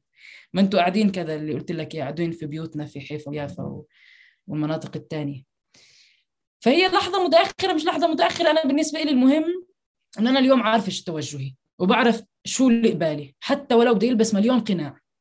هو محتل. أنا أنا أنا أنا بس عشان أوضح مش يعني مش بجرب أنكش عشان أعطي كريدت لحدا يعني ابدا أنا بالنسبة لي هذا نقاش مختلف. بس أنا بجرب أمسك إنه آه، ما بدي أرجع اتفاجئ بتفاصيل بكرة في حادثة ممكن تصير آه، آه، أو أو في تفصيلة ممكن تصير يطلع خبر ما بدي أكون عندي الخلفية تبعت إنه أوكي في حي الشيخ جراح كان في فترة من الفترات فيها كذا وكذا وكذا وكذا وكانوا موجودين واليوم نعم. في شكل نضال مختلف تماما عن 2009 آه، وفي حاضنة مختلفة تماما عن 2009 باختصار يعني هيك من غير ما أنكر ولا 2009 يعني مش محتاج أمسح 2009 تمام والسنين هذيك. وبنفس الوقت أنا اليوم موجود بأرضية مختلفة بتخلينيش اتفاجئ يعني أنا بجرب أحيانا هيك مناعتي أقويها بمعرفة خلفيات الموضوع الصح. أكثر من شئتين هذا الصح. الناس اللي لازم تعرفوا إنه من 2009 لليوم اليسار الإسرائيلي بتظاهر يوميا يا سوري اسبوعيا كل يوم جمعة في حي الشيخ جراح. زمان كان شكل النضال إنه كان في تفاعل أكثر من سكان الحي مع هذا مع هذا اليسار الإسرائيلي بمظاهراته. اليوم بتلاقي لا في نفور إنه لا إحنا عارفين شو أنتم شو حقيقتكم وبالتالي إحنا بدنا نتعاطى معاكم. جزء جزء آخر حتى يعني مش بس من سكان الحي من سكان المناطق المجاورة لسه بتعاطوا معاهم. وآه بتذكر يعني في حادثة في أول مظاهرة أعلنا عنها بعد إطلاق حملة انقذوا حي الشيخ جراح كان في محاولة للدمج بين الم... كانت يوم جمعة. الدمج بين المظاهرة اللي فيها يسار إسرائيلي والمظاهرة تبعتنا الفلسطينية وشباب القدس يعني قالوا لهم نحرق الدنيا بنوقفش مع يسار إسرائيلي حلوا عنا هيك. آه في عندنا لهجة شوي هيك قريبة على الخليلية ومرات بعرفها بعرفها. ثلاث ارباع أهل هم خلايل حبايب قلبنا. ف... فيعني عن جد يعني وقفوا وقفة جدعان. وقفات زلام اللي حكوا لا يا عمي إحنا ما عندناش استعداد نوقف معهم. وبالفعل بتخيل إنه من هذيك اللحظة باللحظة اللي شباب القدس حكوا فيها إنه إحنا ما عندنا استعداد نوقف مع آه، هدول الناس هذا اليسار الإسرائيلي هناك خلص يعني بلش مفهوم إنه لا إحنا لما نعمل مظاهرات بنعمل مظاهراتنا لوحدنا. آه، في في آه، قيادي ما بتنظيم ما طلع وكتب تويتي لما كان في نقاش داخلي في في في حي الشيخ جراح. طلع وقال قضية الشيخ جراح هي قضية الشعب الفلسطيني وكذا ولا يحق لأحد التوقيع أو القرار فيها لحاله وكذا. هلا أنا في بالي إنه أوكي الفصائل يعني تمام إحنا شعب أصلا تنظيماتنا لازم هي اللي تكون يعني صاحبة المشاريع السياسية ولازم تأخذنا ولازم كذا. بس أنا بكيف بعرف بكيف متابعتي يعني آه، آه، هو المسار مسار نضال الشيخ جراح هو المسار اللي أنا وياك قاعدين بنشخص فيه شيء كتير بعيد عن مثلا إنه آه، حالة الاستحواذ أو حالة احتكار القرار بحي الشيخ جراح. بمعنى أنه الأهالي ما بتقرر فيه إحنا اللي بنقرر فيه. كيف؟ كيف بكون أو كيف ما بكون. فبجرب من هون أمسك الإشي أكثر من من حالة تنظيمات وحالة شيء مختلف. ما بعد الأيام هاي خليني أقول هيك. آه، آه، آه، إحنا وصلنا للحظة الفاصلة الكبيرة. بديش أسألك في الجامعة لمين كنت بتصوتي عشان أنت قلتي إنك مش محزمه من مرة وهذا الاختبار تحديدا الحقيقي بس تمام. بعرف لحالي. بس ما بعد ما بعد ما بعد اللحظة الفاصلة ما بين الثلاثاء والخميس ولسنة. أنا اللي بعرفه صحيني إذا أنا غلطان. في إشي إنه آه، الفورة الكبيرة تبعت حي الشيخ جراح آه، والالتفاف الكبير اللي حواليها نزلت بنسبة آه، مش بسيطة. بعرف إنه أكيد الناس تروح على بيوتها ترجع على أشغالها. في اهتمامات تانية والاحتلال بيشغلنا بكتير أشياء. بس هل فعلا في شعور إنه إحنا رجعنا انتركنا بشي مرحلة مرة تانية؟ أو خليني أقول لما بكون في حادثة فرضا النقاش بمسار قضائي ضمن المحاكم الإسرائيلية أو بكذا. آه، يعني كمان عشان أوضح أكثر وتساعديني تفهميني كل شيء أنا بالنسبة لي شفت تعليقات القيادات الفلسطينية وقت النقاش تبع المحكمة والتوقيع زي كأنهم تفاجئوا مثلي. يعني بمعنى أنا ما كنت متابع مجريات المحكمة بس شكل التعليقات والتصريحات اللي بيطلعوها إنه تفاجئوا. فأنا حسيت انهم هم زي زيهم. فلما بيطلع حدا بعدين بيطلع وبقول إنه لا يحق لي أبصر إيش كذا هو إشي بيشبهني أنا وأنا قاعد على كنبايتي قدام كوريك لا يحق لي كذا وكذا. فصار عندي شوي إنه في مساحة فاضية مش قادر أفهم إنه آه، هل صار إشي إحنا ما بنعرفه؟ يعني هل صار في آه، تفاصيل ما سياسية في حي الشيخ جراح؟ آه، متابعة لمؤسسات ظهور لشخصيات مبادرات أخذوا مسؤولية عنكم بشي محل أو كذا؟ اللي يخليهم يوصلوا لمحل إنه نقول حي الشيخ جراح هو يعني على اليوم لو يبطل بس قضية أهله. يعني على اليوم. وحدا تاني ياخذ المسؤولية. شوف يا سيدي أنا باعتقادي إنه قضية حي الشيخ جراح وصلت لإنه ما كانت تابعة للحزب وما كان في آه، أحزاب أو مؤسسات أو شو ما كان مسميات مسيطرة على المشهد. لإنه بالفعل كانوا أهل الشيخ جراح هم أهل الشيخ جراح اللي هم ال 500 شخص آه، اللي عايشين داخل الحي. أنا بحكي على وحدات حي. الشيخ جراح كمان عشان هون نقطة الناس تفهمها. حي الشيخ جراح حي كبير 800 دونم. في حي غربي وفي كرم المفتي وفي إحنا الحي اللي إحنا ساكنين فيه هو كرم الجاعوني 18 دونم 28 بيت. فيعني بس أقول حي الشيخ جراح مرات بحكي عن الحي الكبير ومرات اللي بكون بناقش بالوحدات حي الشيخ جراح اللي هم الثلاث شوارع اللي جنب بعض. طب تعداد تعداد الحي كله منى كم؟ ما عندي تقريبا. أوكي. كل كل الحي كم كم بيت؟ برضه ما عندي فكرة كتار. كتار بس انت انت عم تحكي عن 800 دنم اللي مش بس فيها بيوت اللي فيها مساحات كبيرة فيها مستشفيات فيها أوتيلات فيها مطاعم فيها قنصليات وفيها سفرات فكتير كبيرة مساحة حي الشيخ جراح يعني كبيرة جدا 800 دنم تقريبا. بس يعني قد إيه عدد؟ ما عنديش فكرة صراحة. المهم فعن جد بعتقد إنه اللي نجح قضية حي الشيخ جراح وخلاها توصل لكل العالم إنه ما كانت تابعة لفصيل ولا لحزب ولا لمؤسسه شو ما كانت. اللي كنا عن جد نحكي بلساننا ولساننا الفلسطيني البحت فقط لا غير المش محزب. وعن جد بتذكر إنه كان دائما خطابنا لكل شباب القدس والناس اللي تجينا نقول لهم يا جماعة إشلحوا توبكم الحزبي الفصائلي برا بعدين ادخلوا حي الشيخ جراح وأهلا وسهلا فيكم. إحنا مش ضد أي حزب أو أي فصيل بس إحنا ما بدنا نحزب هذه القضية لأنه هاي قضية هدول الناس لا أكثر ولا أقل إيه، بدون انتقاص لدور الأحزاب أو أو أو. ف... فبتخيل إنه هذا اللي نجحنا. ولما مين ما كان يجي يقول إنه يعني وكأنه بيقرر عنا فهذا الحكي مش مزبوط لما بعض الأشخاص طلعوا هذه الإشاعة وللأسف كثير من أولاد شعبنا وغيرهم لحقوا هذه الإشاعة وبالفعل طعنونا وحكوا إنه أنتم بيعين وأنتم أنتم كان بالنسبة لي أنتم بس لو صبرتوا على رزقكم يعني إحنا ما كناش بنقدر نطلع نحكي شو موقفنا بشكل واضح وعلني لأنه كان في مهلة من المحكمة بتقول لنا إنه أنتم بالتاريخ الفلاني بالساعة الفلانية آخر موعد لتسليم أنتوا شو بدكم؟ بدكم تقولوا آه ولا لا؟ بدكم توقعوا الاتفاقية أو ما بدكم توقعوا الاتفاقية؟ والمستوطنين كان عندهم نفس المهلة. ففكرة إنه إحنا نحكي كنا عن موقفنا قبل لو إنه إحنا ما كناش معروفين الشيخ جراح ما كانتش معروفة كان عادي ممكن ممكن نحكى بس إحنا ضلينا متكتمين على الموضوع عشان المستوطنين ما يعرفوا شو قرارنا وبالتالي هم يغيروا قرارهم بناء على إحنا شو بنحكي.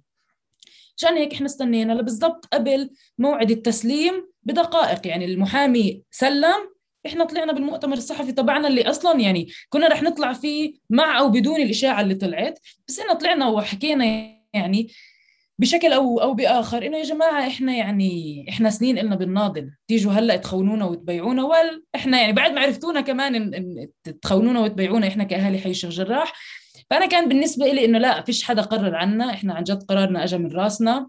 وأنا أنا بالنسبة لي هون هون مصطلح هون يتجلى مصطلح ركوب الموجة.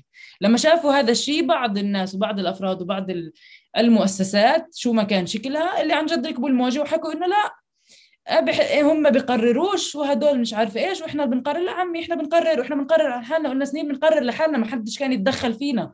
ودائما كانت قراراتنا واضحة وصريحة ووطنية غصبا عن رأس الجميع. فما تجيش تحكي له أنت بتقرر عني لا عمي ما أنت مش قاعد محلي مش فاهم قضيتي زي ما أنا فهمتها. وأنا أكيد مش رح أبيع بيتي عشان حضرتك تقول عني آه، بايعة ومطبعة. اوعى.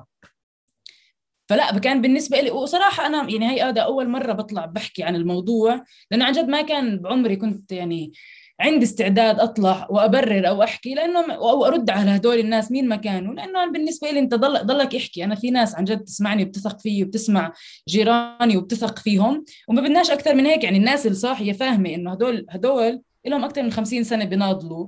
واضح إنه ما كانش في حدا يقول لهم شو تعملوا وشو ما تعملوش.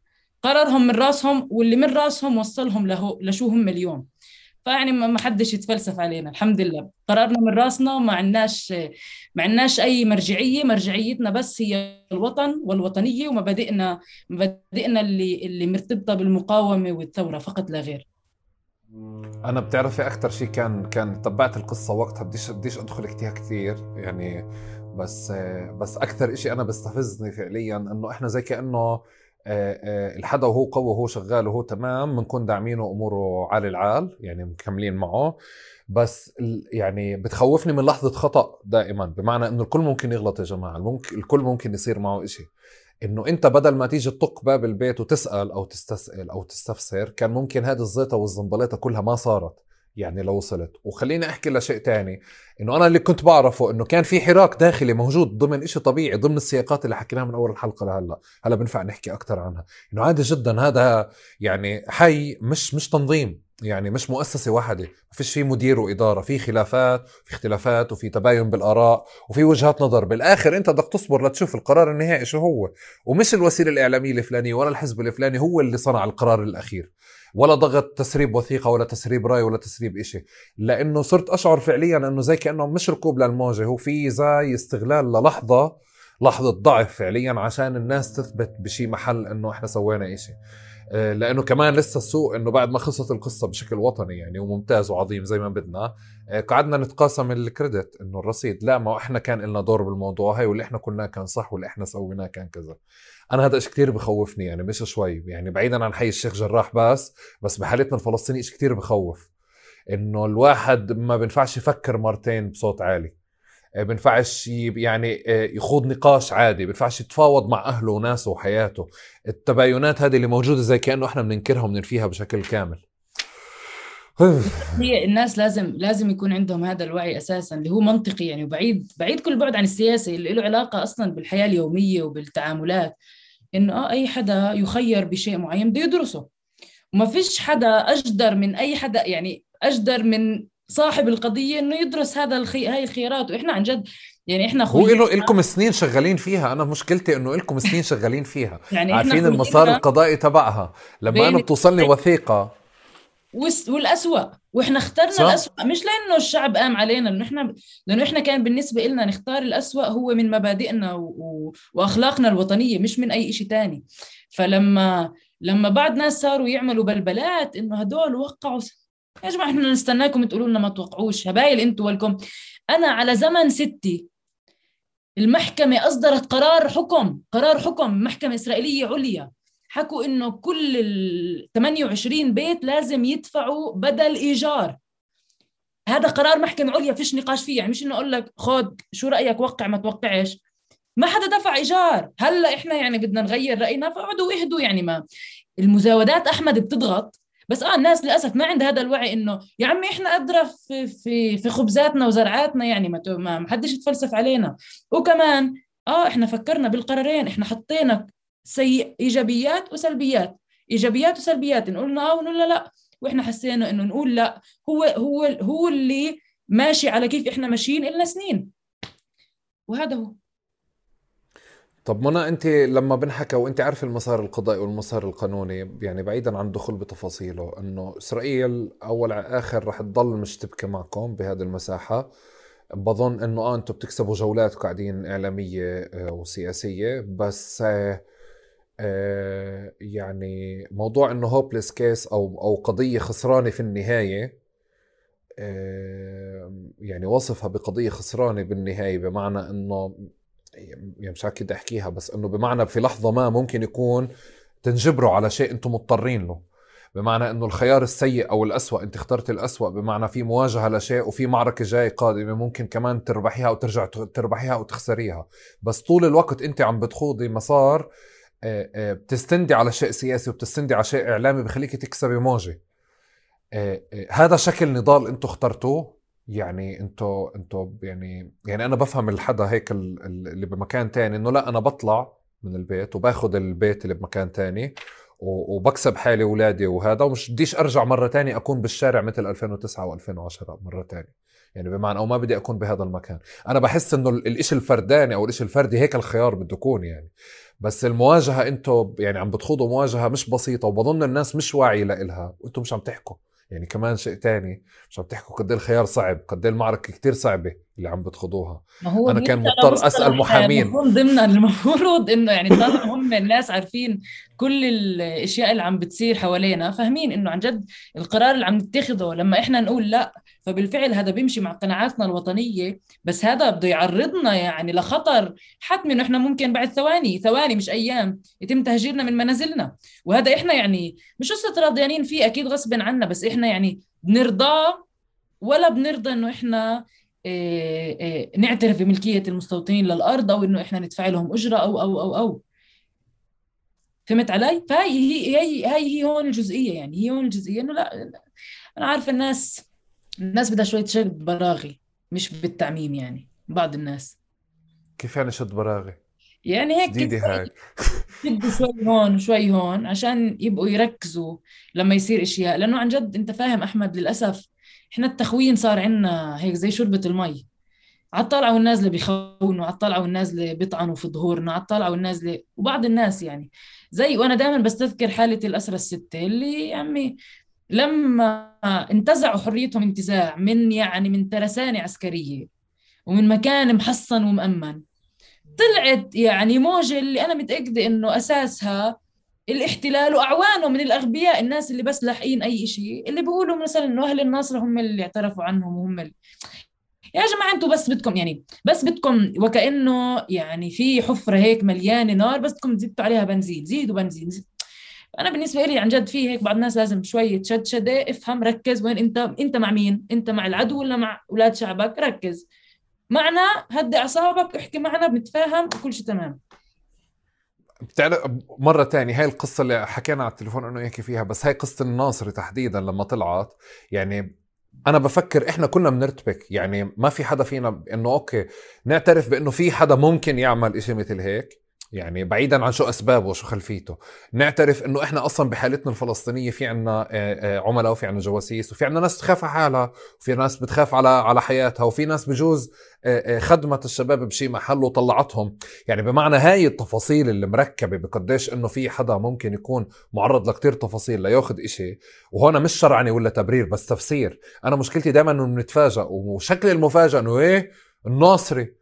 فبنفتح ويكيبيديا عشان نشوف حوادث العمالة وال... وال... والجوسسة مثلا هيك في الناصري عشان نعمل memes ونعمل أشياء ونطلع أخبار إنه الناصري جواسيس بصير في إشي هيك يعني إشي شعبي وبيطلع mainstream. وللأسف اليوم يعني في وكالات يعني ومواقع إعلامية يعني اليوم ترعاه وبتتبنى هذا النفس يعني للأسف. بالنسبة لي أي حدا عن جد يعني مع احترامي للجميع أو مش احترامي للجميع مش شرط بس عن جد في ناس اللي آه يعني أنا أي حدا بيلحق رواية المحتل هو زيه زيه أنا بعامله زيه لأنه ما بزبط. يعني عن جد إحنا إحنا في معركة مرعبة ومعركتنا اللي ما بتقتصر بس على السياسة والقانون. يا جماعة إحنا كمان معركة اللي على الأرض وإعلامية كمان. فما بزبطش نضلنا يعني كل كل ما الواحد يخطو خطوة ويعلى خطوة بأي مجال من هالمجالات ترجعوا تدبوه بالواد ما بزبطش يعني.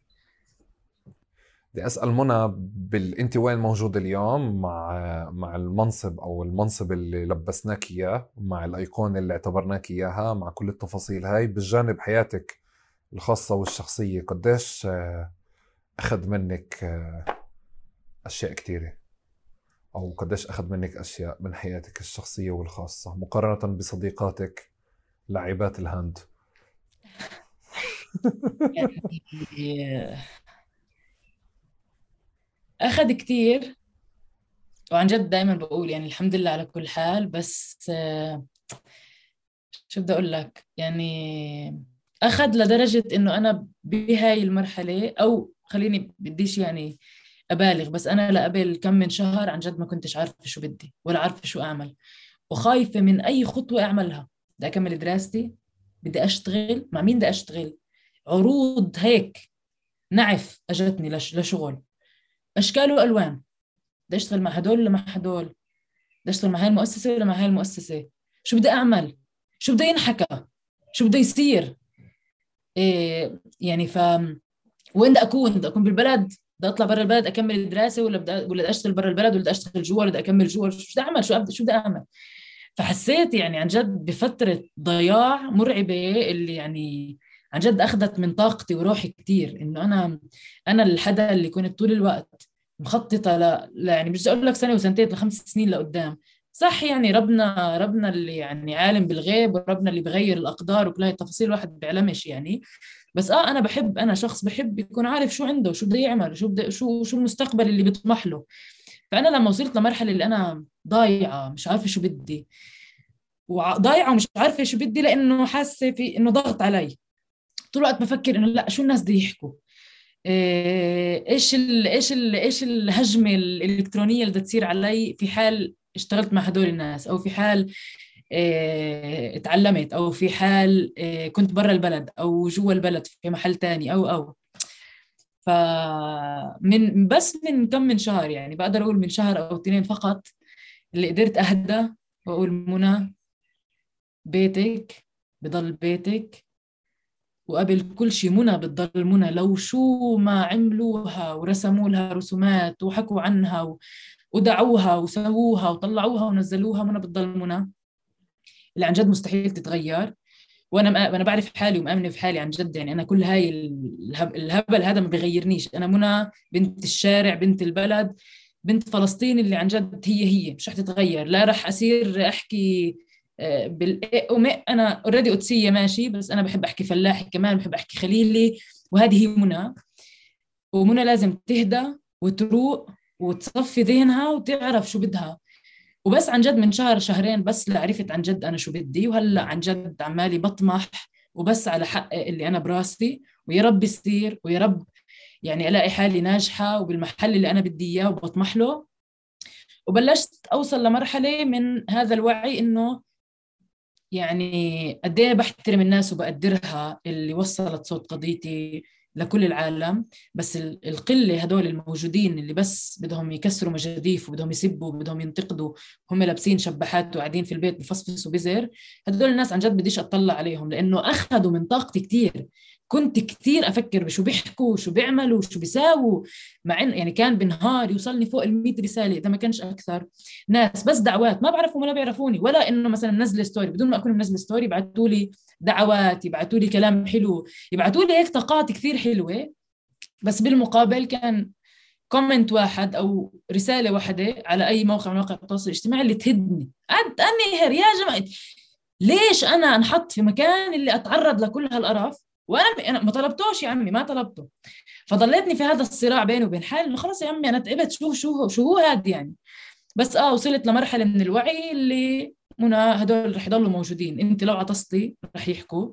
ومش لإنك منى لإنه أي بني آدم أي بني آدم بالعالم ظهر أو ما ظهر. يعني إحنا على مستوى مجتمع يعني صغير على مستوى الحارة على مستوى المدينة على مستوى الدولة حتى أي حدا ببين أو بيحكي كلمة وكذا بده يلاقي ناس بتطص كفوف وناس بتقول له والله برافو عليك. فبلشت هيك بيني وبين حالي أوصل لهي القناعة إنه منى بدك يعني بدك تمشي ما بزبطش يعني هدول بس بكسروا مجاديف وهذا أنا عن جد بضلني أربطه إنه هذا اللي بده إياه الاحتلال. وأنا مش رح أسكت وأنا مش رح أهدى وأنا رح أضلني أقوي بحالي وأطمح وأوصل للي بدي إياه بإذن الله لحد ما عن جد أقدر أحس إنه أنا عملت الإشي اللي براسي لهالبلد. والإشي اللي براسي لهالبلد أنا بطمح أصورها للناس بكيف أنا بحب أصورها. ف... فالله يقدرنا.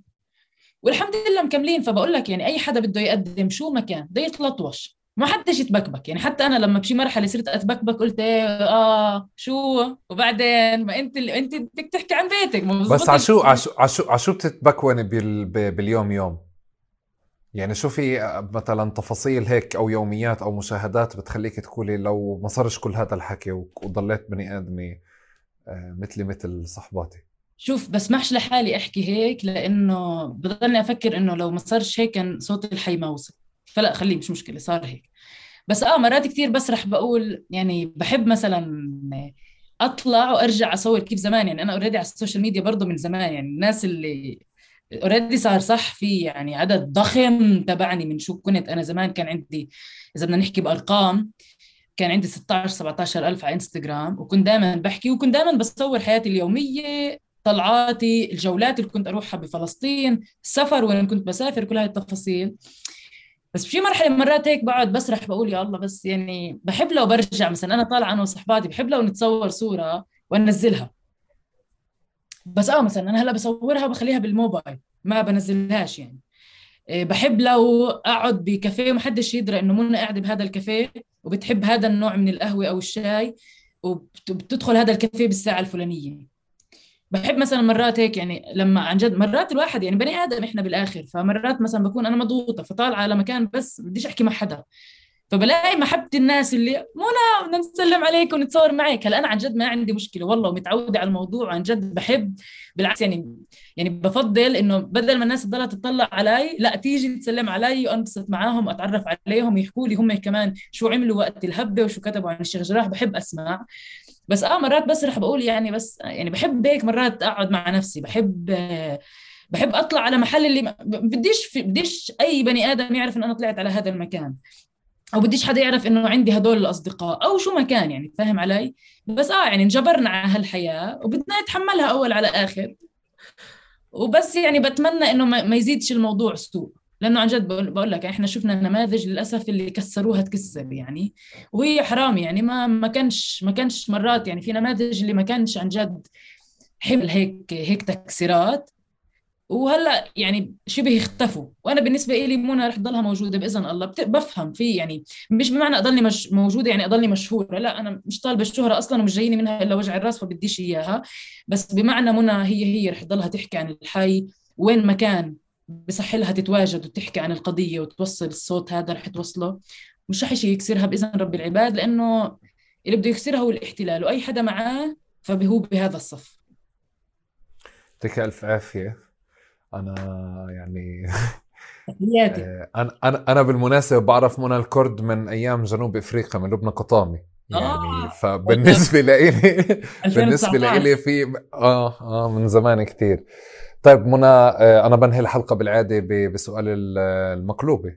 أنت بتحب المقلوبة؟ أنا بموت على المقلوبة. عن جد من أنت بتطبخي مقلوبة؟ أنا بعرفش اقلي بيضة. تفتحناش أنا ما بعرفش أعمل شيء بالمطبخ.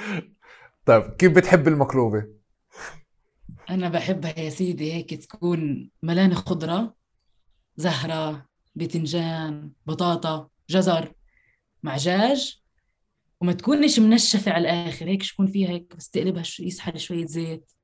دسم دسم أنا بحب الدسم.